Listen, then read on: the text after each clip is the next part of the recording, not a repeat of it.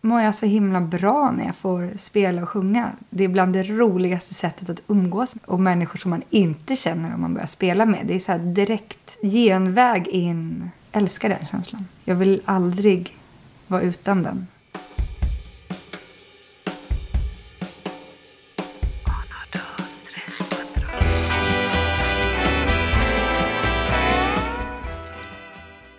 Välkommen hit Frida Örn. Tack! Kul att vara här Martin. Det här är podcast eh, Jag spelar för livet och eh, vi träffar eh, musiker och artister som, som vi tycker om. Och du är en av dem naturligtvis. Åh, Ja. fint! Du är också aktuell med en ny skiva. Mm. Eller jag, jag brukar köra lite snabbfrågor, vi kommer igång. Mm. Och sen så tar vi din story och så ska vi spela lite. Klas Lasbo kommer komma hit och spela kontrabas med oss. Så ska vi spela två av dina låtar. Men vi börjar namn då. Frida Maria Elisabeth Örn. Yrke? Låtskrivare, sångerska, skivbolagsdirektör. Yes. Och så dubbar jag lite tecknad film ibland också. Fast det gör jag inte eh, så värst mycket. Men ibland. Ja. Ganska lik. Eh, Ane Brun var här. Hon hade också, hon har också eget skivbolag. Ja. Hon var faktiskt en av dem som jag pratade med innan jag skulle starta. Och också en av dem som inspirerade mig så mycket. Att säga, men kan hon? Och Ja. Jenny Abrahamsson och Jenny Wilson och jag vet inte- jag vet inte om Elin Rut har också. Ja, men då Mm. kände jag bara så här, men det är klart. Mm. Klart jag ska göra det. Ja. ja, ni är ju fantastiska alla, alla de du nämnde. Födelseplats? Danderyds sjukhus. Kommer från Bergshamra i Solna. Första musikminne? Eh, Det första som poppar upp nu det är chilenska folkvisor och barnvisor. Okej.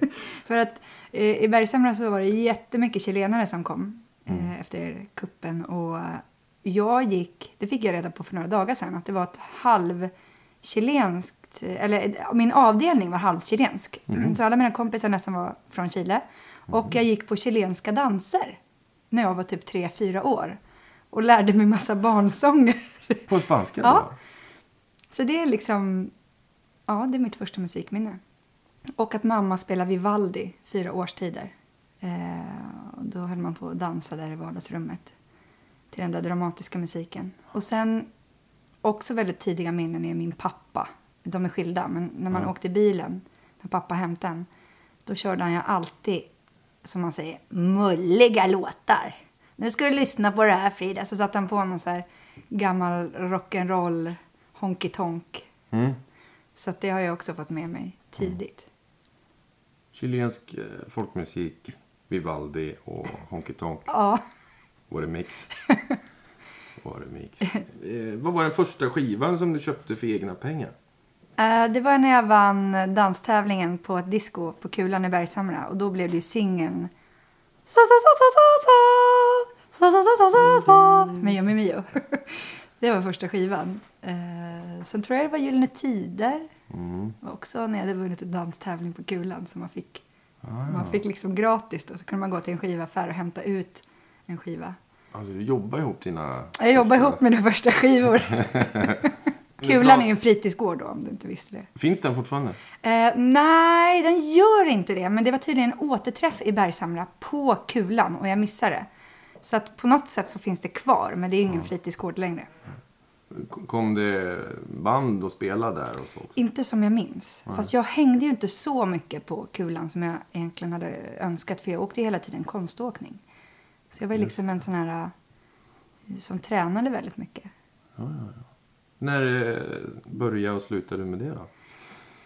Jag började typ fyra, fem år. För precis där jag bodde så fanns en IP och min stora syster började åka där. Och då gick jag också dit. Man kunde sätta på sig skridskorna hemma och skydden. Och så gick man igenom en liten skogsstig. Och så var man där på tre minuter. Och så var det, det, är- det är typ det bästa stället att åka skridskor på.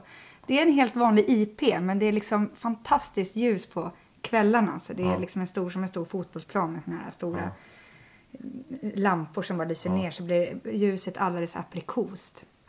Och så åker man där. Så att, eh, ja, jag började då och sen slutade jag när jag typ gick i sjuan, åttan. Då kommer jag ihåg att jag bara, jag vill ha ett vanligt liv, jag vill inte träna så mycket. Men det var ett tag där som, det var verkligen hela mitt liv, jag älskade det. Och jag känner fortfarande väldigt starkt för det. Men, men det blev liksom för mycket tävlingar och sådär. Jag var ingen tävlingsmänniska. Du var inte det? Jag blev sjukt nervös när jag skulle tävla. Jag fick liksom blackouter. Ibland gick det jättebra, jag vann tävlingar. Och ibland bara vet, åkte jag på isen, alltså som en mardröm och bara vänta vad ska jag göra? Och min tränare som var rysk stod vid sidan om och bara Frida, njet! Det var hårt alltså. Så att, liksom det där, jag älskade uppvisningar men jag hatar, alltså hatar ganska starkt ord men jag, nej, alltså det var jobbigt med tävlingar. Så då slutade jag. Hur, hur mycket tränade man då? Hur ofta? Liksom? Jag tränar ju typ nästan varje dag när det var som mest. Och min tränare bodde hemma hos mig ett tag. Hon var helt grym. Vera från Ryssland. Eh, Så då var det så här markträning eller isträning och så var det tävlingar på helgen. Det låter ju helt galet när jag pratar om det nu men det var, ja, det var mycket. Men eh, du kan åka skridskor i alla fall? Jag kan åka skridskor fast just nu har jag ingen. Jag måste skaffa mig nu den här vintern. Kommer dina barn få eh, konståkningsskridskor i julklapp nu då? Uh, de- de ska börja med hockeyrör. Det är Ja, bäst. Så de okej. liksom känner. Så de inte fastnar i taggarna. Men sen efter ett tag så ska jag nog tvinga i dem de där. Nej, jag vet inte. Men jag ska i alla fall åka med dem mycket den, här, den här vintern har jag tänkt. Ja, skridskor var kul när man var liten. Ja, det är jättekul. Kan vi prata om lite musik och musiker som har format dig? Ja, det kan vi. Shoot. Um, ja, det är ju den där chilenska. Nej, men sen så... sen så när jag gick i femman så hade jag sommarkompisar nere i Skåne. Mm. Och eh, det var tre bröder som bodde där och de var helt Beatles-tokiga. De hette bröderna Martinsson och de spelade i band. Och den yngsta hängde jag, hängde jag med, han var ett år yngre än mig. Han bara, men Frida, ska vi inte starta ett band? Så här. Och han bara, lyssna på det här. Eh, och då gav han mig ett blandband med Beatles och Guns N' Roses hade jag lyssnat på lite grann. November Rain och en Michael Jackson-låt. Men framförallt Beatles. Så jag blev helt, alltså jag blev helt tokig av det. För att det var så fantastiskt bra. Så jag plöjde Beatles, alltså från, kanske var i sexan förresten, mellan femman och sexan sommaren där. Sen plöjde jag allt vad Beatles hette. Mhm. Eh, och typ, och pappa, min pappa då, Honky Tonk, Mm, pappan där. farsan. Han lärde mig spela lite gitarr. Och han hade ju också Beatles-bok hemma, även fast han var kanske lite mer för Honky Tonk. Eh, så då liksom eh, lärde jag mig de massor av Beatles-låtar. Och innan det så var det ju Elvis och jag lyssnade på Radio Vinyl Jaha. eh, jättemycket. Så det var mycket gammal musik. Och, och även så fick jag ett kassettband av min gamla bästa kompis med Marilyn Monroe. Wow. Så hon har också varit en stor influens faktiskt. Eh, hon- Många säger att hon inte är någon stor sångerska men hon har sån bra känsla. Ja. Och då var det, jag visste inte riktigt vad jazz var men då på något sätt började jag tycka om de där gamla låtarna som var jazzlåtar som hon sjöng. Ja. Så då kom jag in på det också. Och sen samtidigt så dök ju Björk upp. Och eh, det blev jag också helt galen i. Så hon lyssnade jag på kanske från högstadiet någon gång framåt. Och så fanns Nirvana och The Cure på sidan om där och var med också. Vilken mix. Ja, det var, det var faktiskt eh, värsta mixen. När, när blev du countrytokig då? Alltså det blev jag ju ganska sent. Det var när jag gick på Memus och Linda Ström som är med i Cookies. Hon och jag hade jobbat på Wallmans salonger två år innan. Och hon visade mig lite gamla countryklassiker som jag tyckte var jättefina. Och, och så släppte Johnny Cash, det kom, Johnny Cash-filmen kom. Och eh, Dolly Parton släppte en eh, bluegrass-skiva som var jättebra som heter Grass is Blue. Och ja, men allt det där tillsammans eh, bara öppnade upp för countryn. Och Gillian Welch, lite mer alternativ country. Det var inte den här countryn som min pappa visade mig. För den blev jag inte alls kär i. Liksom. Utan det var något annat, något nytt som jag bara, åh, det här. Så då blev jag tokig i det. Mm. Och så startade vi Cookies och lärde oss massa låtar. Vi lyssnade på Trio-plattan jättemycket. Emily, Emily Harris, Linda Ronstedt och Dolly Parton Mm. gjorde en skiva. Lucinda Williams. Lucinda Williams. Ja. Ja, hon var ju också viktig. Så då blev det det. Kul, du har hoppat runt lite och, och, och kört hårt på vissa genrer. Och just för att eh, det bara var så kul att spela med Linda och Charlotte. Så att när vi började repa och startade bandet, vi hade ju ingen tanke på i början att det skulle bli så stort. Vi bara tyckte det var så sjukt kul att spela ihop. Då ville man inte sluta. Då var det liksom bara fortsätta på den vågen. Men ni träffades där och så tyckte ni, ja men country ska vi spela. Mm. Vad hände? Bokade ni ett gig då sen eller hur funkar Ja, då, mm, vi satt hemma, mycket hemma hos Linda och Charlotte, de bodde ihop. Och repade in låtar och bara, "Ah, fan vad det här kändes kul och bra. Ehm, Och sen så var det faktiskt egentligen Linda som hade så många låtar som hon kunde. Så jag bara, men du måste ju göra en spelning av det här. Jag kommer ihåg att jag snackade med henne jättemycket och bara, nu ringer jag Läckerbiten. För jag hade ju Läckerbiten är ett ställe som ligger eh, i Götgatan, eh, vänta vad är det, Götgatan, Ringvägen, hörnet. Ehm, och där hade jag spelat med några kompisar som satte upp en teaterföreställning där jag sjöng och spelade till. Så jag visste att den där källaren var lagom sunkig, väldigt bra för att göra gig på.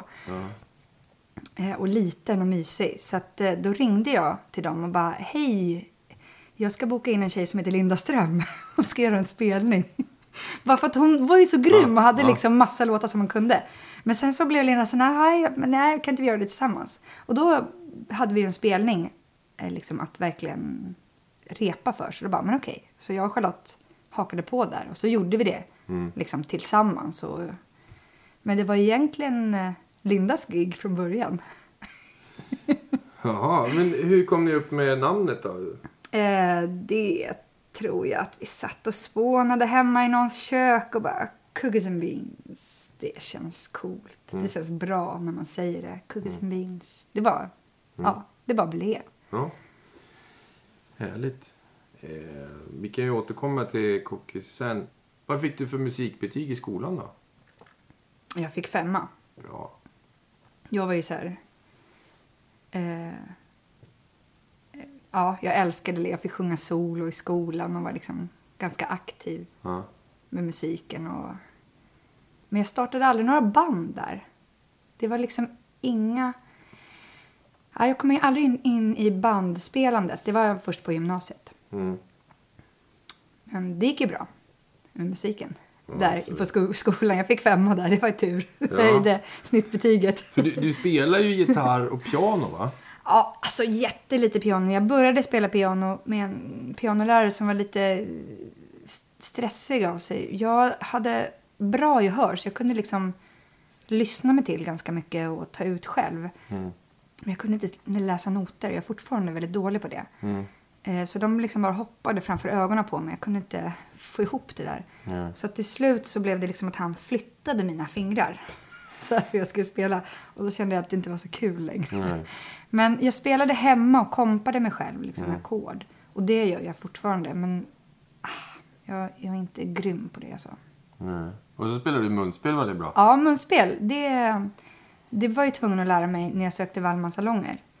För då, då gjorde man, då gör man här en dansaudition och en sångaudition. Och så frågade man om jag kunde något annat.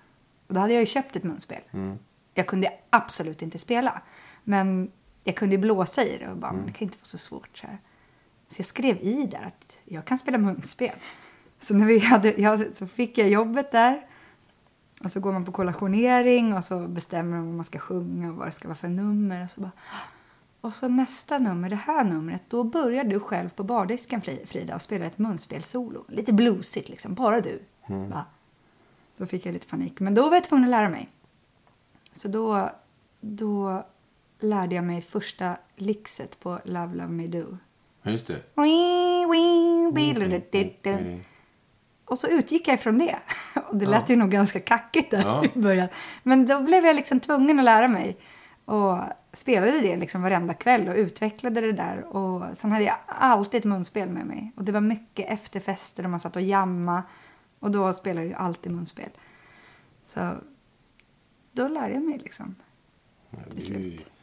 För, för ni har ju ett nummer med cookies när ni tar upp eh, en gäst ur publiken. Ja, Som får bettla med dig. mm, som du har gjort. Ja, det har jag fått göra. Eh, förstår man ju att, att du är bra på att spela munspel. För att det, det har varit ganska många munspelsmänniskor som kommer upp. Det är Ja. inte bara sådana här som aldrig har sett ett munspel. Nej, nej, ibland är det folk som kan liksom, Ja. som kommer upp. Ja, nej men det... Och det är Charlotte som är domare va? Ja, Charlotte är domare. Nej, publiken är ju domare Ja. egentligen. Men hon avgör vilka som får mest jubel. Men det är jättebra nummer, smart liksom. För efter det, det numret så är ju publiken med 300 procent. Ja, precis. Även om ni, de älskar er från början så efter den så bara koksen blir Ja. Eh, Mycket smart move, tycker jag. Vad inspirerar dig?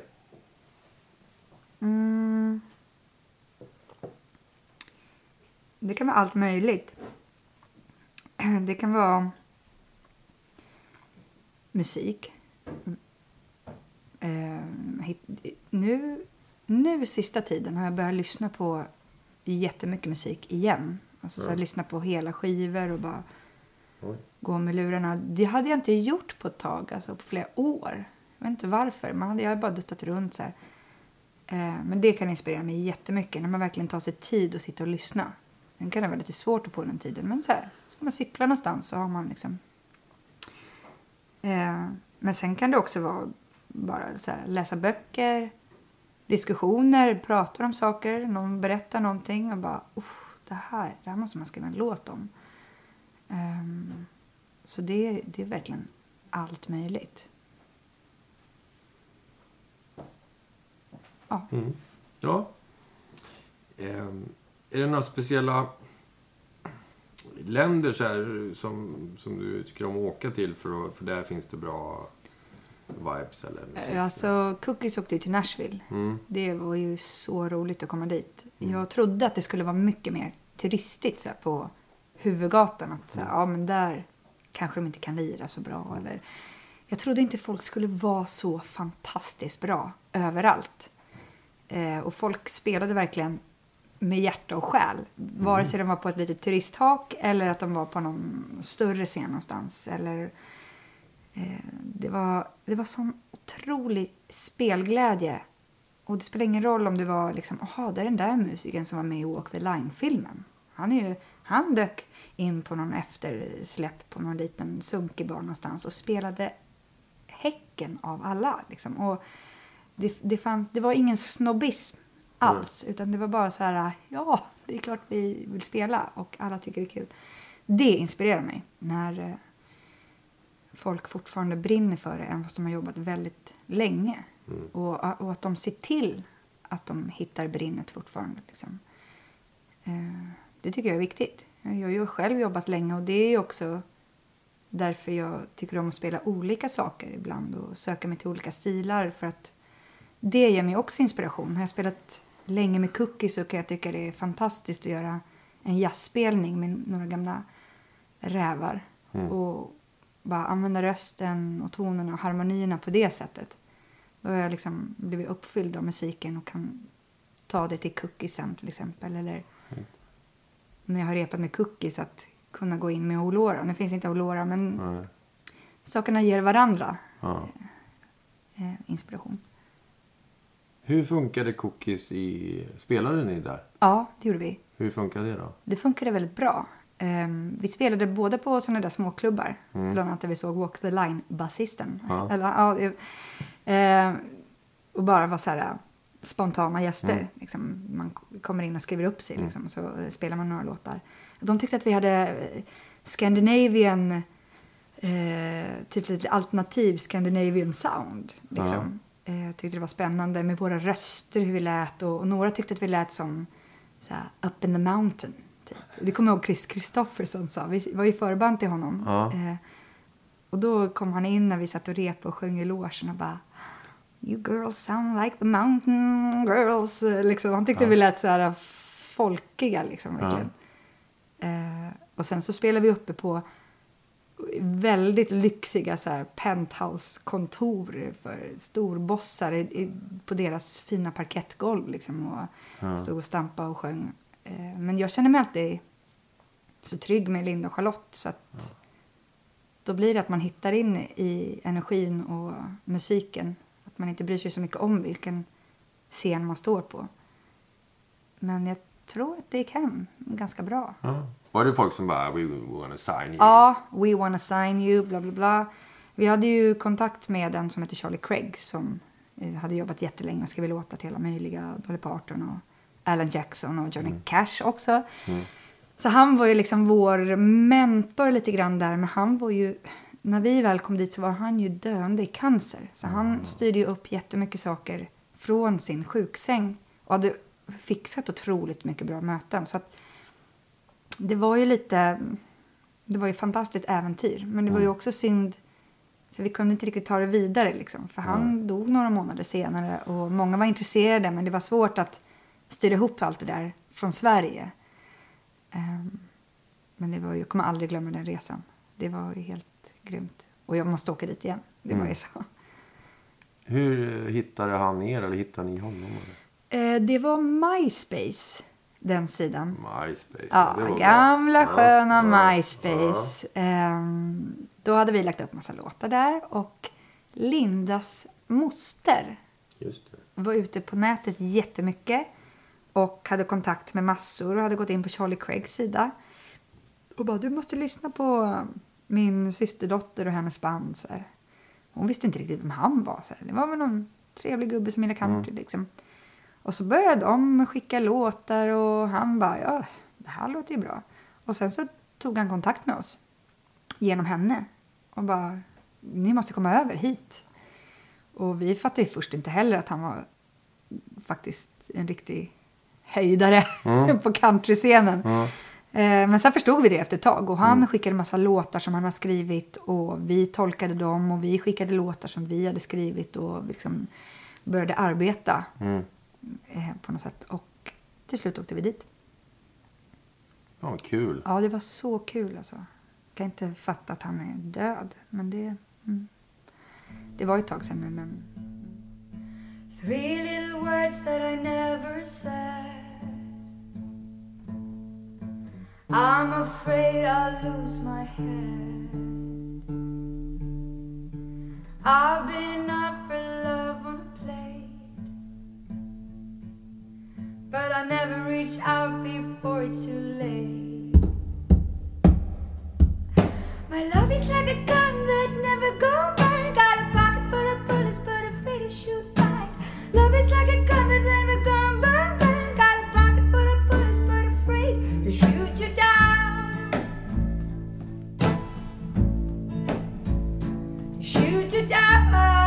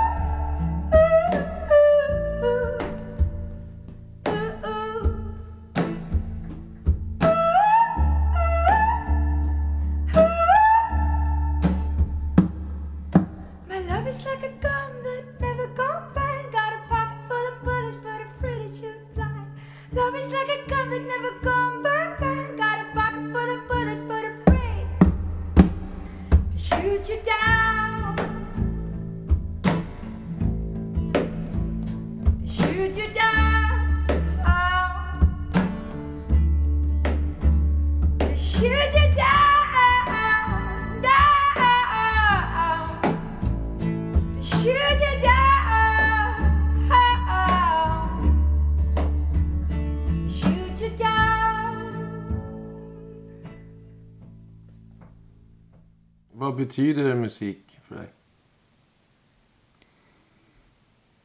Det är ju det är en sån jättestor del av mitt liv. Det betyder jättemycket på massa olika sätt. Dels är det ju mitt jobb. Och det har varit det så länge också. Jag har liksom nästan inte haft ett riktigt jobb på något sätt. och nej men sen mår jag så himla bra när jag får spela och sjunga. Det är bland det roligaste sättet att umgås med människor. Och människor som man inte känner om man börjar spela med. Det är så direkt genväg in till att lära känna människor. Man delar så mycket när man står och spelar. Jag älskar den känslan. Jag vill aldrig vara utan den. Och jag kommer ihåg när jag fick mitt första barn. Så var jag ju mammaledig och borta från musiken. Och så hade Cookies fått ett så här företagsgig som inte brukar kännas så speciella. Man drar av tre låtar och bara mm. med en publik som kanske inte brukar vara så intresserade heller ibland. Liksom. Men jag var så taggad för det där företagsgigget. Det var första gigget efter mammaledigheten, eller mm. lite mitt i. Då hade jag inte spelat på jättelänge. Och jag hade inte mött publiken på jättelänge. Jag hade inte känt den där känslan.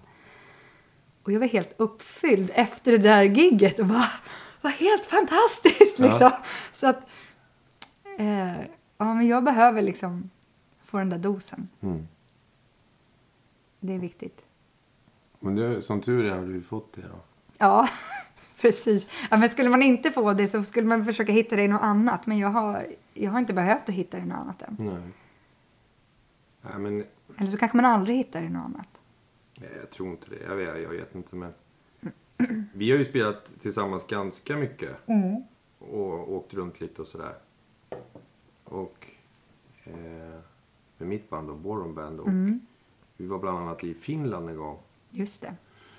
Och eh, vi hade alltså, så mycket roligt som vi hade liksom för att när man åker bort så här så kanske just att stå på scenen är en timme av, ja. av och sen är det 23 andra timmar. Och så. Ja. Men vi, vi spelar aldrig kul hela tiden känns ja. det som.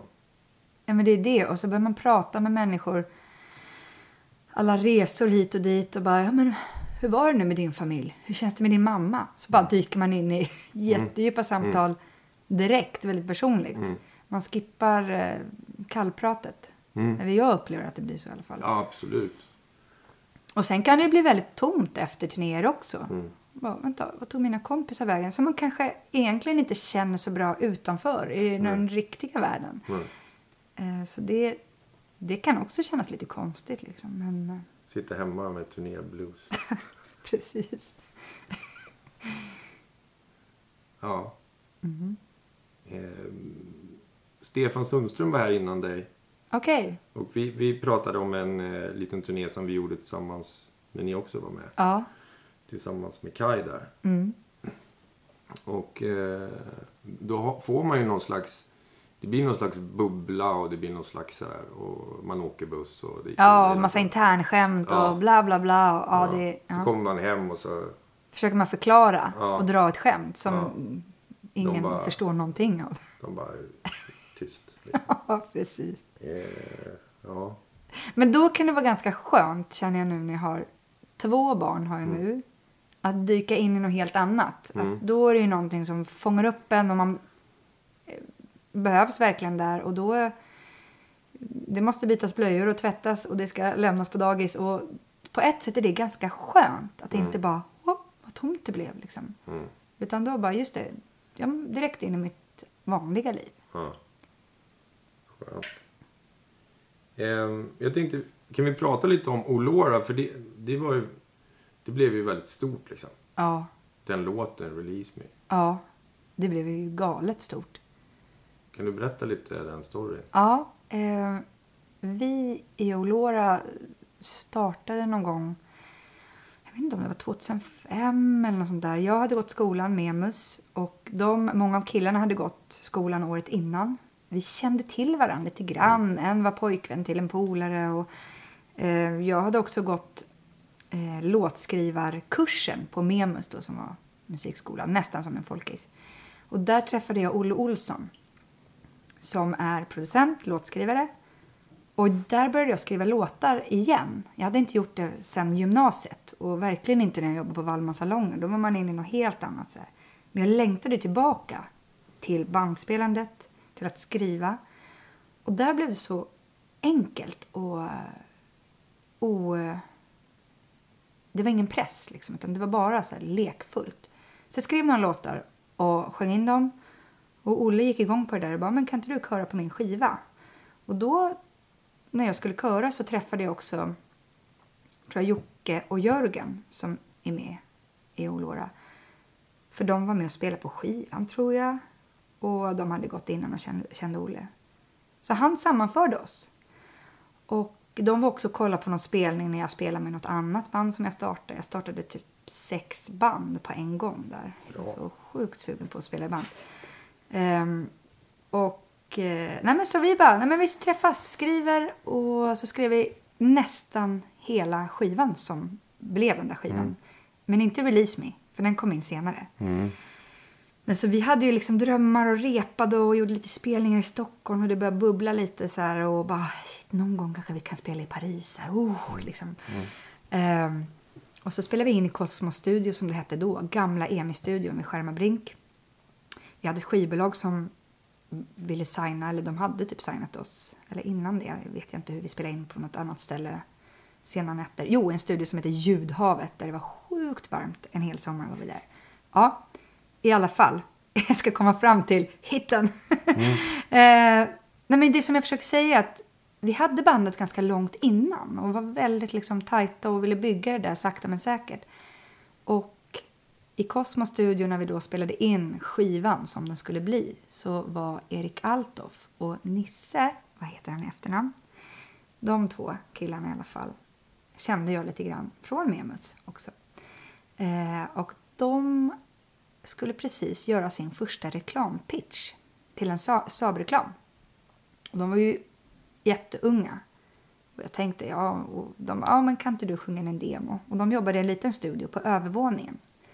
Så mellan några sångtagningar, eller om det var Magnus som skulle lägga trummor eller så bara, nej men jag kommer upp och det kan jag väl göra så här. Och de hade skickat låten och det var väldigt så här skrapig gammal demo. Men jag gillade den. Um, och då kom jag ihåg att det var väldigt härligt att komma in i den lilla studion. För det var helt annat sångljud i lurarna. Jag hade ju stått och harvat de här andra låtarna för att få göra bra tagningar och hade nästan tappat självförtroendet lite grann som det kan bli när man spelar in länge. Mm. Så när jag kom upp dit så bara världens största reverb tror jag det var. Mm. bara, wow, vad härlig rösten låter. Mm. Och så var det en låt som bara föll sig naturlig att sjunga. Det var inte svårt någonstans. Det bara så här, ha, öppna munnen så kommer det. Mm. Och eh, då blev det Release Me. Och bara, lycka till med den. Mm. De lär ju inte få den där pitchen. Mm. De är typ tre år gamla. Lycka mm. till. Mm. Men kul att ni frågar mig sen. Men mm. ja. Sen bara, jo, de vill ha den. Så, ja, men vad kul. Och då tänkte jag ju att det ska vara någon känd sångare som ska göra den då. För det här var ju bara en demo. Ja, de bara, vi vet inte vem som ska göra det heller. Så här. Får se, tack för hjälpen. Så. Han bara, nej men de verkar vilja ha den originalsången, din sång. Ja, aha, så. ja men vad kul. Det var ingenting mer med det. Det var inte vanligt att reklamlåtar tog fart heller. Nej. Det var liksom ganska nytt då. Och sen så helt plötsligt så uh, bara, de vill släppa det worldwide. Visste inte jag vad det betydde riktigt heller. Bara, Jaha, det är hela världen med en reklamlåt. Ja, ja, det kommer väl inte märkas liksom. Nej. Och sen började det bara ösa in mejl från hela världen och folk sökte, visste ju inte riktigt vilka det var som hade sjungit in. Och då bestämde jag och Laura i samma veva för att, eller skivbolaget bestämde mm. faktiskt, eller de gav, de gav, de bestämde inte, de gav idén till oss att så här, vill ni ta med den här låten på er skiva? Och jag älskade ju låten, mm. jag tyckte den var underbar att sjunga och den passar ganska bra i allting. Mm. Och jag tror killarna också tyckte om det i bandet. Men det blev, det blev verkligen ett bananskal in. Kanske lite konstigt också när man har jobbat så mycket med det andra materialet. Och så bara är det en annan låt som tar täten som ja. verkligen liksom. Ja. Eh, men det öppnade så mycket dörrar för oss. Jag är så tacksam för den låten på så många sätt. Och vi spelades i hela världen. Eh, vi åkte till London och gjorde gig på coola klubbar. Vi åkte till Australien. Festivalpublik på flera tusen sjöng med i varenda text på varenda låt på skivan. Att åka till Polen och sitta och göra intervjuer med journalister som verkligen tar en på allvar och Mm. ser en som ett riktigt band som har skapat musik. Eh, det kändes så fantastiskt. Liksom. För i Sverige så Mm. upplevde jag att det var, det var lite så här... Jag, upptäck, jag upplevde att media var lite så här, ja ah, men vad är det där för hopplockat band? Så här, vad är det för Saab-band? Typ, liksom. Att de var Ja, ja, lite ja. skeptiska liksom. För de, just det.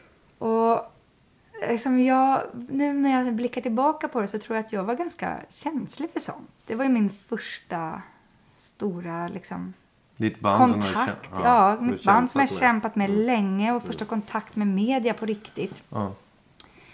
Så ja, jag tyckte nog att det där var lite svårt och jobbigt också. Mm. Samtidigt som det var fantastiskt att få publikens gensvar. Man Mm. kände att folk gick igång på låten och blev berörda av låten. Och, Mm. och min röst, det gav ju mig så mycket självförtroende. Och bara, jag, jag kan sjunga, det funkar.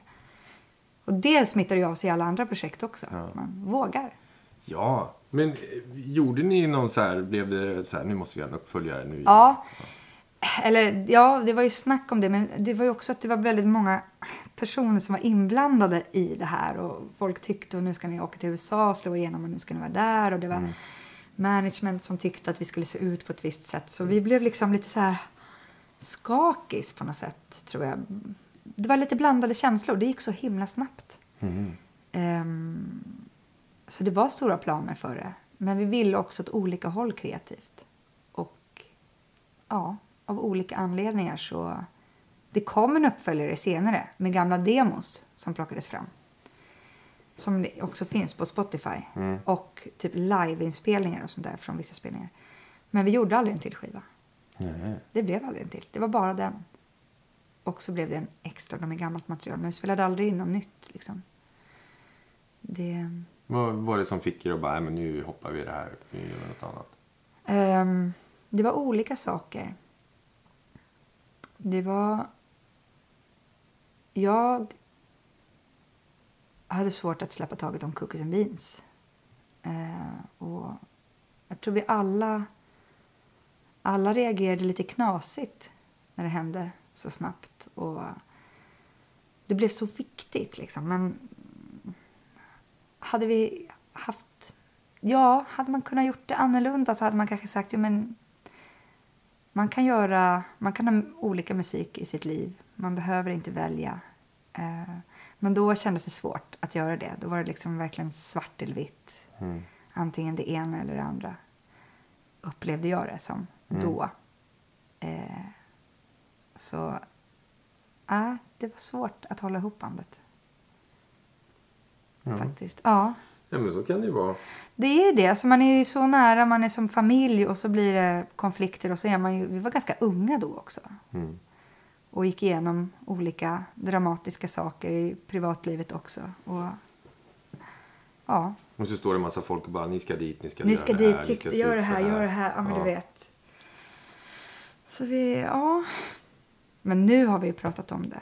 Mm. Och jag tycker väldigt mycket om dem. Jag tycker de är, de är fantastiska musiker och jag älskar den där skivan. Tycker Mm. den är helt grym. Och jag hör ju fortfarande när jag är ute och spelar, vad ser jag ut med Cookies eller Mm. med mitt nya med Örn. Mm. Så är det nästan alltid någon som kommer fram och bara, du den där skivan. Den är liksom Mm. nummer ett. Eller man får väldigt fin, det är så många som har sagt så fina saker om den. Mm. Så ja, det tar man med sig. Ja, men den, den är ju så här fin för att, och det tror jag att det är att, att, det är, att du säger, om det är en demo jag sjunger. Mm. Det fanns ingen så här, fanns ingen plan för den så, för din, Mm. det är bara med. Bra låt den var. Ja. Det, det hörs nästan. Mm. Att du inte har tagit 500 tagningar och Nej. klippt ihop. Så. Nej, precis. Det var ju bara en take liksom. Fan vad fint. Ja, det är en, det är en vacker låt. Bra band. Ja, Skiva. grymma.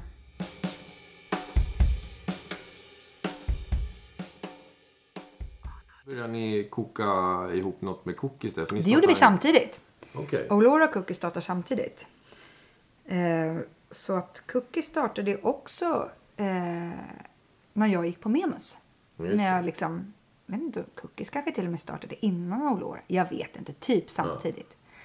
Så att vi kokade ihop saker med Cookies. Och efter den där spelningen som jag berättade om på Läckerbiten så blev det ju fler och vi fick massa förfrågningar och vi repade in mer och bokade sommarturnéer själva, ringde runt till, skickade brev, handskrivna brev och demos till massa olika countryfestivaler och som vi, är all, vi hade ingen aning om att det fanns så mycket country runt om i Sverige och eldsjälar. Så vi drog omkring flera somrar i rad och bara spelade och jammade på nätterna och åkte till nästa lilla by.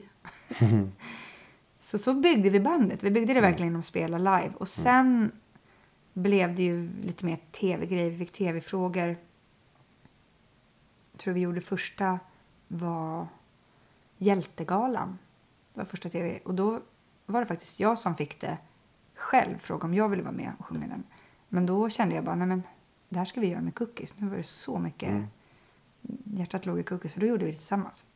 Och sen rullade det på och blev andra saker. Och Melodifestivalen blev det senare. Och så fick man med sig management som kunde hjälpa till, följa upp när det blev lite större maskineri. Liksom. Mm. Ja. För ni hade någon resa. härlig klubb också på ja, det hade vi. Mm, vi började på Stampen Okej, med Jonas Torell ja, just det. som är en eldsjäl inom Stockholms musikliv. Verkligen.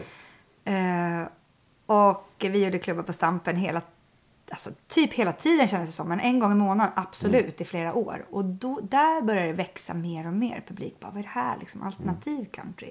Så massa liksom, indie-hipster-ungar kom dit och bara, jaha, jag visste inte att jag gillar country, men jag gillar det här. Det var långt innan Melodifestivalen.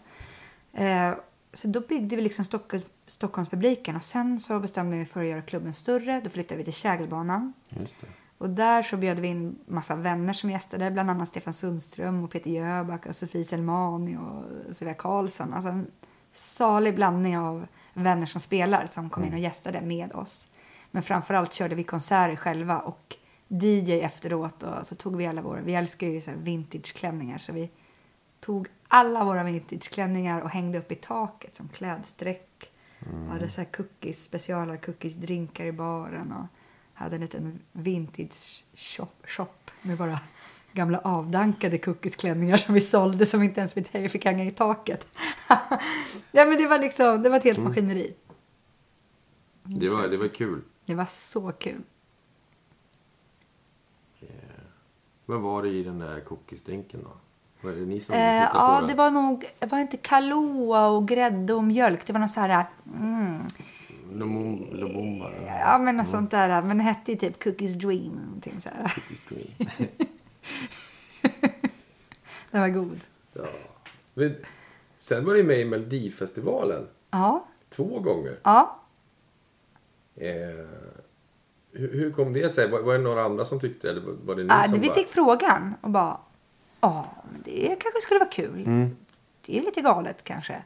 Kanske inte i vår värld riktigt, men, men gud vad roligt att vara med. Liksom. Mm. Så då kom jag ihåg att vi åkte ner, för vi hade fått en demo på den där What if you were left with a stone Så då gjorde vi om arret ganska mycket. Så att det blev liksom den här lite mer stamp, klappiga liksom feelingen och inte så slick som den var från början. Och eh, ja, men det kändes bra, det kändes härligt att sjunga. Och, eh, men vi visste nog inte riktigt vad det var för karusell vi gav oss in på heller. Eh, och, men det var kul, fantastiskt kul. Och det öppnade upp för en ännu större publik. Vi kunde göra ännu större spelningar efter det. Och, men vi var ju ganska skraja med pressen för vi hade en manager som bara Svara inte på någonting. Så här. Alltså hon var, hon var liksom ville safea upp så att inte vi skulle hamna i blåsväder. Men det gjorde att vi var ganska rädda för att möta pressen och bara Ja, det vet jag inte om vi vill svara på. Så här. Vi var liksom lite rädda. så det, det hade vi lärt oss till andra gånger vi var med. Att här, men det är inte så farligt. Nej. Det är bara människor som sitter där bakom micken också liksom, och intervjuar. Mm. Ehm, men sen får man ju också tänka att, för vi hade ju en bild av hur vi ville att låten skulle framställas. Och man får ju ta Melodifestivalen för vad det är. Det är ju ganska det är kitschigt liksom. Det, det är, man har tre minuter på sig och det är ledskärmar och neonljus och pastellkläder liksom. Eh, Väldigt mycket. Och det kan ju vara ganska svårt att skapa den där stämningen och känslan som man känner själv för låten på tre minuter. Så det måste man ha lite i backning också när man ställer upp på ett sånt forum. Att så här, oj shit, man slängs in och man bedöms och man tävlar och så här. Eh, Det kanske vi inte riktigt tänkte på. Nej. Vi tänkte så här, det ska, här ska kännas som på Stampen när vi står på den där lilla klubben. Och Den känslan ska de få. Så här. Det, det blev inte riktigt så. Nej. Men det tog vi igen andra gången för då visste vi ju så hur stort och dramatiskt och chabrok, liksom kabam det kan bli. Så då gjorde vi åt andra hållet och bara, vi vill ha fläktar! Ja. Vi kör hela Melodifestivalen fullt ut. Och, så det var ju liksom en ännu mer dramatisk låt. Så att, eh, Vad hette den då? Burning Flags. Just det, den har vi spelat. Mm. Ja, Just det, ja. Så att då fick man ju verkligen leva ut Melodifestivalsdrömmen där. Men hade ni fått det om ni sagt vi vill ha 20 dvärgar, vi vill komma ner i, vi flyga in. Så det var ju dvärgar på gång. Nej men, nej, men så här. Enhörningar Ja, och så det är ju det, det är liksom hur mycket skivbolaget vill lägga. Och sen Ja. så finns det ju också väldigt... det finns ju när man sitter med skivbolag så är det ju alla möjliga människor ibland. Mm. I alla fall när vi jobbar med skivbolag. Vi, vi jobbar med en fantastisk man som heter Johan Olsson ska jag bara säga. Som Mm. alltid har stött oss i alla skivor och allting. Jag pratar inte om honom, men jag pratar Mm. om andra som satt med på det där mötet när vi skulle spåna om vårt nummer. Och då kan man ju ha så olika smak. Så bara, ska ni inte ha någon så här äh, krigarprinsessa som står och spelar så här trumma? Sina the Warrior Princess. Nej. Och då, då kände vi, nej, det här, det här har de missuppfattat vad Cookies and Beans är. För man måste vara lite noga med vara tydlig. Med Fick vad, de lön för, för att jobba på det här? Ja, ja de- de, ha- de hade lite andra versioner. Det var ingen annan som gick med på det förslaget alls. men jag kommer ihåg när det liksom bara poppade upp runt bordet och bara, nej men det där ska vi nog inte ha. så, så det kan ju liksom, vill man ha det så kanske har man ett skivbolag bakom sig som vill lägga pengar på det om man verkligen vill Okej, ha det. skivbolaget får pröjsa det? Ja, De får i så här- vårt fall var det så. Ja. Men skulle jag ställa upp som till exempel Örn, Mm. där jag är mitt eget skivbolag. Mm. Då skulle jag ju få ringa runt och söka spons eller hitta någon som skulle älska att vara Zina the Warrior Princess. Som, nu låter ju det som en ganska spännande idé för sig. Då skulle jag försöka hitta den själv och inte, då skulle jag inte ha några pengar att betala det för riktigt. Utan då får man gå andra vägar. Hundra barn, barnkör. Ja, liksom, ja men det, det är skivbolaget som står för det. Så som jag har förstått det i alla fall. Ja, jag vet inte, jag har ingen aning. Men det låter ju men det är roligt eh, om det här mötet. Det Fina Warrior och ni bara, nej men vi hade ju tänkt så här röda klänningar och en gitarr och så kanske någon scarf. Precis. Ja, det var liksom en krock. Jag trodde SVT stod för... Ja, men det är de som fixar fram allting. Mm. Som, som fixar fram folk. Alltså nu blir jag lite så här osäker. Men jag, jo, det är några som måste betala för kalaset. Och det är inte SVT. Nej, okej. Det är ju... Så om man vill ha liksom en delfinbur på scen, Ja. då får man, Ja, får då, man ringa Saab eller då får man punga upp det själv. Liksom, Swedbank eller- och bara, ja, "Hej." precis. Ja, ja. Nej, men det, var- det var kul Ja. att få höra. Men, men ni, ni ångrar aldrig att ni var med där, eller? Nej, alltså... Nej, det gör vi inte. Det var ju, vi hade väldigt roligt när vi var med. Mm. Det var, och det var en magisk känsla att stå på en sån stor scen med Linda och Charlotte och ha en sån stor publik och alltså hela det maskineriet som är bakom med alla de här kamerorna och ljus och allting. Det var, det var så jäkla coolt att få göra det tillsammans med dem. Så på det sättet ångrar jag inte. Jag ångrar inte på något sätt. Nej, skönt. Men jag kan ju samtidigt tänka... Ja, skulle vi vara med igen, då ska vi skriva en egen låt, såklart. Liksom. Ja, men precis. liksom, det kan ju vi. Det gör ju vi. Då blir det ju cookies hela vägen. Jag kommer ihåg, jag, det, det är nästan enda gången jag tittar på Melodifestivalen. Det var när ni var med. Ja, Och då, jag till och med röstade. Eh, bra. men då satt man så här, men vad fan fattar inte folk att Cookies and Beans är 200 gånger bättre än alla de andra soporna liksom? Ja, men, men, men sen så är det, och sen är det skitsvårt att... Jag bara, ja precis. Ja, men, Nej, men, men- men det är svårt. ehm, det kan vara ganska klurigt att få fram det där på tre minuter. Ja. Att man bara, åh shit liksom. Um, jag, ja. Men skulle vi vara med någon mer gång så ska vi såklart skriva låten själv. Men det är också så här väldigt mycket att man kommer på det så sent och bara just det, melodi, ja just nu är det någon som har skickat några ganska, ja de är schyssta låtar liksom. Mm. Oj, det måste in om fyra dagar. Det var liksom inte så bra framförhållning Nähä, heller. ja, ni kör så. Nu, gud vad jag är ärlig nu. ja, men det är underbart. Men jag tycker ju om låtarna, det är inte så. Vi satt ju och skrev med Fredrik Kempe sista Burning Flags, den senaste låten. Och så här, vibbade in också. Men det var, det var ganska snabba puckar. Mm. Hade man ännu mer tid så hade man kanske bara, men vänta, vad är kärnan med cookies? Vad är det man vill visa liksom? Ni stampar i golvet och, Ja. trestämmigt. Ett jävla drag. Ja. Eller en låt som man gråter av. Liksom. Ja. Det är Cookies för mig. Ja.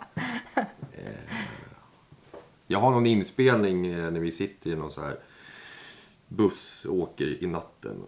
Och, vi sjunger, det är någon låt. eh, Kiss your Father, kiss your darling.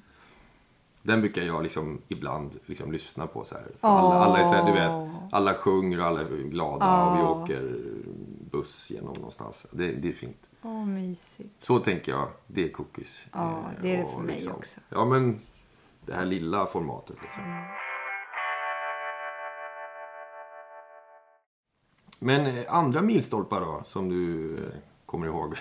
Jo, men det är ju det som händer just nu. Mm. Eller milstolpar. Det händer ju nu, så jag vet Ja. inte. Jo, det känns som en milstolpe, även fast det är så... Berätta om ön henne. det är så färskt. Men eh, jag har ju, som jag berättade innan, så har jag ju haft massa musik med mig. Som Björk och, jag sa inte Massive Attack och såna där prylar som jag älskar liksom. Som jag liksom inte har fått ut någonstans. Eh, och jag har också varit sugen på att sjunga helt själv igen. Även fast jag älskar att sjunga med Linda och Charlotte så vill jag bara så här, "Ah, jag måste använda rösten helt och hållet på vis. Eh, så att jag, eh, vi bestämde oss 2014 att ta en liten paus från cookies. Charlotte var också brann för att göra lite andra saker. Linda höll ju på att skriva svenskt. Fantastisk bra skiva som snart kommer. Eh, eh, nej men så då bara bestämde jag mig för att ta alla mina idéer som låg i datorn. Har ju spelat in massor av små röstmemos som man gör på mobilen. Massa idéer på låtar som bara har legat. Och bara, ah, är det tillräckligt bra? Jag har varit lite feg och inte tagit det på allvar. Och kanske inte lagt tid på det heller. För det har hänt så mycket med cookies. Det har varit sån full rulle och så här. Barn och familj och grejer. Nej, men då bara, nej, men, nej, nu är det dags. Och nu var det läge. Så då tog jag fram alla de där idéerna och så ringde jag folk som jag tycker är jättebra, men som jag aldrig har skrivit med. För jag var också sugen på att få in nya människor i mitt liv att musicera med, att skapa musik med. Som kommer från ett håll som jag var sugen på att komma in på mer. Och jag började skriva jätte- jättemycket. Det var som att öppna en port. Bara... Det var som när jag var 13 år och låg och lyssnade på Beatles och bara dog igen. Så var det. Och öppna upp. Ja, det, det var helt underbart att känna den där känslan igen. Ehm, och började lyssna på gamla skivor som jag älskar och även nya som James Blake till exempel och andra elektroniska spännande artister. Ehm, och så skrev jag med det och så satt jag med August som har skrivit väldigt mycket som är med och spelar med mig. Vi satt hemma hos honom och producerade. Jag åkte till Berlin och spelade in och producerade där. Och jag började skriva låtar som inte var att jag sitter med gitarren och skriver. För då blir det ofta samma ackord. Liksom, Lite lika. Utan jag började skriva efter ett beat. Eller efter en slinga. Som bara... I've been waiting for so... Alltså, jag, det blev helt andra melodier i mig. Och eh, massa texter som faktiskt var ännu mer personliga tyckte jag. Mm. Eller jag ska inte jämföra. Jag behöver inte jämföra. Mm. De var väldigt personliga för mig. Mm. Och det handlar om vad jag var just då. Eh, he- hela EPn handlar väldigt mycket om så här, våga lyssna på sin inre röst. Mm. Inte gå och vänta. Våga ta sig själv på allvar. Mm. Kanske våga vara lite pretentiös till och med. Bort med janten. Bra Frida. Så liksom. Eh, för det känner jag att jag har gått med lite grann. Så här. Och ehm, det blev massa låtar. Och jag spelade in, jag letade efter lite olika producenter för att hitta rätt. Jag höll på själv och, och fnula runt. Och sen så slutade det med att det blev fyra låtar ins- fem låtar inspelade med Johannes Berglund. Eh, Micke Häggström på trummor. Svinbra. August var också med och producerade. Jag satt ju också med. Jag var med i förproduktionen, alltså en stor del av hur allting låter såklart. Ehm, så det är en EP som släpptes i, för några veckor sedan. Mm. Och jag släppte den och så bestämde jag mig för att jag skulle släppa den på eget skivbolag. Sådär som Ane gjorde. Mm. Vad heter skivbolaget? Eagle Brain. Eagle Brain. Såklart! Såklart. Men för, för att kunna göra alla delarna själv och bara, men det här, okej jag kanske inte kan allt. Nej. Det var massa saker som jag inte riktigt kunde. Nej. Men då har jag fått lära mig det. Jag får ställa massa frågor och ringa till massa människor och fråga dumma frågor. Men som, ja, nu vet jag. Ni lär dig. Och jag lär mig och det har också varit så här, känns otroligt skönt att så här, utvecklas och våga utmana sig själv på det sättet. Så ja, det är släppt. Jag gjorde en sommarturné redan innan det var släppt. Och det var också helt grymt att spela dem live. Lite nervöst i början att möta publiken. Inte så många hade hört något. De hade hört en låt som heter What are you waiting for? Som är lite som en käftsmäll till mig själv. Eller en spark i baken. Så här. Ja, okej. Hallå, kom igen, liksom, gör något. Ja. Våga. Så här. Ja. Ha, peppigt liksom. Eh, Men också till andra. Också till, som jag ser vänner i min vänskapskrets kanske som bara, åh, gå inte och vänta, du är bra, du kan det här. Eh, Så eh, det var liksom, de, en del hade hört en låt men inget annat. Och de flesta hade hört Cookies och Olora. Så de kom dit och bara, det blir väl något mysigt med en akustisk gitarr. Tror jag jättemånga i publiken tänkte. Och det blev det ju inte alls. Det Nej. blev ju så här syntigt och jag dansar jättemycket på scenen. Ja. Eh, Jag gör till och med danssolo i en låt. Så här. Eh, Men jag fick så fin respons. Jag fick liksom från en äldre man. Som jag bara, han kommer inte tycka om det här. Hjälp. Han bara, ja, jag har följt det i allt. Cookies och Laura. Och nu har du verkligen hittat hem. Sa han det? Ja, han sa det. Kul. Ja, men så roligt liksom. Och jag känner själv att det är verkligen jag hela vägen. Mm. Så, och så har jag kommit på att jag har ju massa olika sidor. Jag kan tycka om det. Mm. Och cookies och Laura och jazz. Det är okej. Allt får finnas med. Ja, absolut. Men nu är det det här som gäller. Ja. ja, men nu måste du ju ta det här. Ja, men nu är jag taggad och nu släpptes eh, Bang Bang. Mm. Den släpptes internationellt och tog massa fart lite i olika ställen i världen. Så nu får vi se vad det där leder till. Liksom. Det är jättespännande att bara se vad det tar fart med de här låtarna. Ja, men det är du värd alltså. Ja, ja, ja, man bara jobbar ett steg i taget. Får vi se hur det Ja. går. Ja, men du är ju så jävla bra så det är, det är väl inget snack. Ja, men det är, det är många som man slåss med där ute. Så... Eller slåss, det är många som är grymma som man kan också samarbeta med. Det är så jag också känner att jag börjar tänka, i och med att jag gör allting själv nu, så måste jag tänka kreativt på ett helt annat sätt som jag inte har gjort innan, tycker jag. Att hitta samarbeten, hitta möten som kan gynna varandra. Mm. Som också känns sjukt givande. Nu eh, håller jag på att göra någonting som jag inte kan säga hu- så mycket om, men med en jättebra hiphop eh, rappare, eh, låtskrivare, som ska göra en version med mig på Echoes. Så det kanske kommer längre fram. Ja, Ja. Det blir beats. Ja, men varför inte? eller hur? Ja, men, så du, nu har du allt det roliga framför dig. Ja, Nu har du gjort det. Nu har du ju producerat, du har Ja. fått ut skivan, Ja. du är ute och promotar, du spelar. ja. Men nu vill jag ju snart gå in och skriva till nästa EP. Jag har en massa låtar som ligger. Ja. Så nu ska det snart börja spelas in lite nytt också, tänker jag. För att göra på världsturnén för att ta ett stopp. Just det. Nu ska jag. Men var är det det har börjat liksom bubbla? Vilka länder är det som har... Ja, men eh, det har varit lite bloggar från England och Brasilien. Låter trevligt. Låter väldigt trevligt. Ehm, vad var det mer? Frankrike var det lite Mm. intresse. Ja, det var lite olika länder. Ja, men Frankrike, Brasilien låter ju trevligt. Ja, jag kan gärna åka dit. Ja. Eh, om det är någon där ute som hör det här som kan styra upp det här så hör av er. Styr upp ett gig i Brasilien. Eller en turné. Ja, Jag menar, det, är ju, det blir dåligt väder här i Sverige nu så Ja. varför inte åka till Brasilien? ja, precis. Där skulle du passa.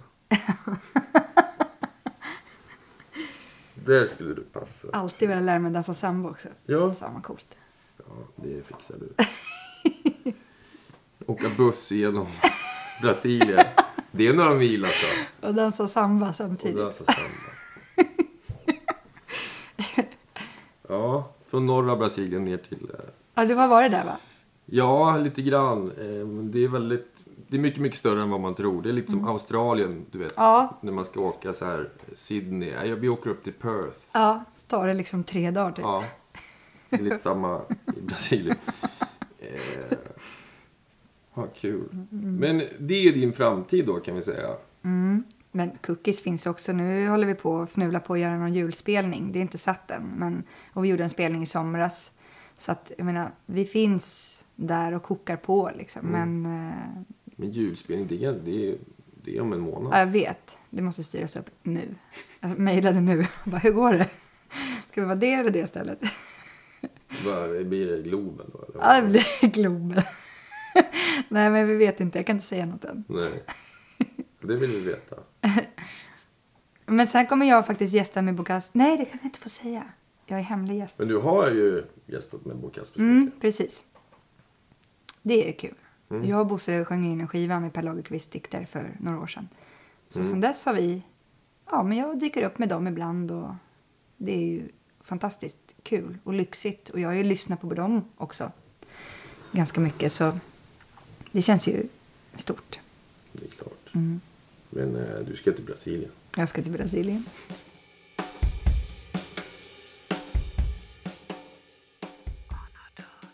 Vi ska spela en låt som heter Echo som är med på din nya skiva. Precis.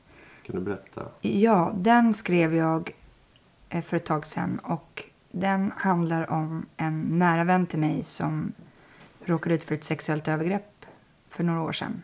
Och den handlar om när hon berättade för mig. Eh, den handlar om hur jag kände och reagerade och hur hon, när hon pratade om det här, hur hon kände skuld på något sätt. Det var det är helt ofattbart, men det är ju också så vanligt. Många som råkar ut för övergrepp känner att de känner att de har skuld i det på något sätt, fast de inte någonstans borde känna det. Mm. Ehm, så jag sjunger om det. Jag sjunger om hur det ekar kvar Ja. i kroppen, minnen om man vill bara glömma. Och nu gör jag ett samarbete med organisationen Fatta. Så ja, vi stödjer varann i den här Ja. frågan. Att lyfta den här frågan, att prata om det. Jag hoppas att fler vågar, vågar prata om det, vågar anmäla. Eh, också vågar se, inte bara till offren, utan man pratar ofta väldigt mycket om offren, men vilka är det som gör det här? Eh, vi måste alla ta ansvar över våra systrar och bröder, över våra barn. Vad lär vi dem? Vad... Alla är barn från början. Vad är det som händer Mm. i människors hjärna? Vad är det som säger att det är okej att göra det här övergreppet? Vad är det som händer i den personens hjärna? Det finns ju liksom eh, exempel på nu i somras hur arrangörer på festivaler, det vet, det hände ju det här övergreppet på Bråvalla och på andra ställen också för den delen. Då var det många arrangörer som sa åt tjejer att inte dricka alkohol och att se efter varandra, hålla ihop. Ja, det är bra att man ser efter varandra och håller ihop. Men man borde säga till alla killar också. Hörru, brudarna." ta det lugnt och drick alkohol. Se efter dina kompisar. Mm. Håll ihop. Mm. Håll ett öga på varann. Ta hand om varann. Är det någon som fuckar ur, Mm. om jag säger så. Mm. Liksom, hjälp till. Ni, det, alltså, det, alla måste hjälpa till. Det är Ja. inte någonting som hänger Tjejerna, på de här nej, tjejerna. Liksom. Och det glömmer man ofta. Ehm, Men Det är skitkonstigt. det måste man ta upp också. Ja. Men ehm, den här handlar om mitt samtal med henne. Ja. Och allt som hände i henne. Den heter Echoes. Då kör vi den.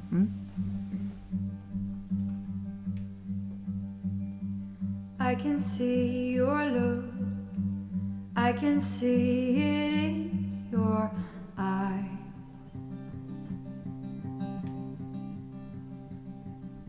Oh, I can hear you speak something that you try to hide.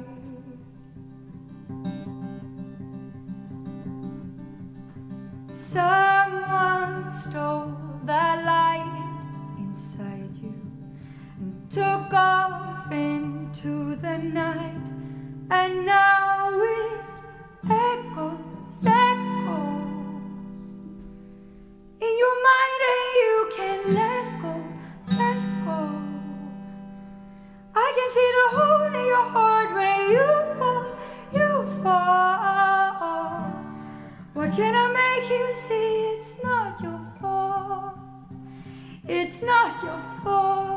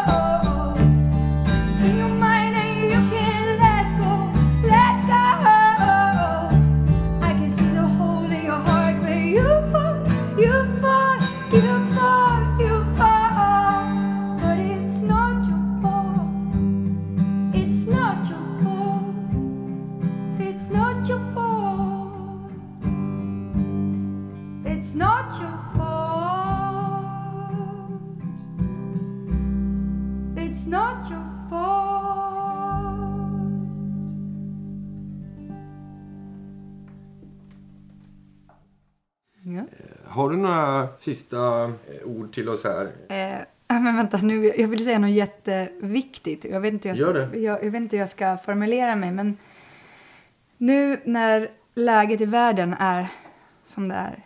Det kommer flyktingar och människor på flykt överallt. Och jag kan ibland väldigt ofta känna mig så här, jag vill göra någonting men jag vet inte vad. Jag är månadsgivare, jag lämnar lite. Men det finns, eh, det finns organisationer här i Stockholm. Eh, Det finns ett kvinnocenter i Tensta som jag åkte till förra veckan och lämnade jättemycket barnkläder. Och där är det eldsjälar som tar emot jättemycket asylsökande kvinnor, eh, flyktingar. Och det är en fristad för många som inte har någon annanstans att gå och som inte har någonting när de kommer till Sverige. Och det kan vara gravida, har inga barnkläder, har ingenting. Jag tror att det är mm, vad var det, 400 kvinnor som är med i, det, i den gruppen. Eh, och det kommer 40 personer varje dag, lär sig svenska, vill komma in i samhället men mm. har svårt att göra det. Man kan göra enkla saker. Man kan åka till kvinnocentret i Tensta, lämna mm. barnkläder mm. om man har i källan. Eh, det finns andra ställen runt om i Stockholm där man kan göra liknande saker. Eh, det hjälper snabbt och allting går till kvinnorna där. Mm. Så att eh, jag vill rekommendera alla att bara kolla upp sådana saker. Och, och, inte minst då kvinnocentret i Tensta. Eh, det vill jag säga. Det är bra gjort. det är bra sagt. Du, du är en snäll människa. Ja, men det är bara, det är bara sånt som alla måste göra. Mm. Det har du rätt i. Och ibland kommer man inte på det. Nej. Ibland måste man bara bli påmind. Bara, men just det, det mm. kan jag göra. Ja. Men du har väl gjort rätt mycket så här eh, stödgalor? Var inte du med på? Jo, jo, men jag har gjort en del. Det känns... Alltså, man lever ju i lite drömvärld när man åker omkring och spelar. Och liksom, jag är ingen läkare som räddar liv. Jag, vad gör jag? Men kan man använda sin musik på, på det sättet så blir det ju dubbelt upp. Liksom. Men, eh, ja, men serien heter ju Att spela för livet. Mm. Och finns det något som kan rädda en dag så är det musik. Mm. Verkligen. Tack så hemskt mycket Frida Örn. Tack för att jag fick komma Martin. Jättekul.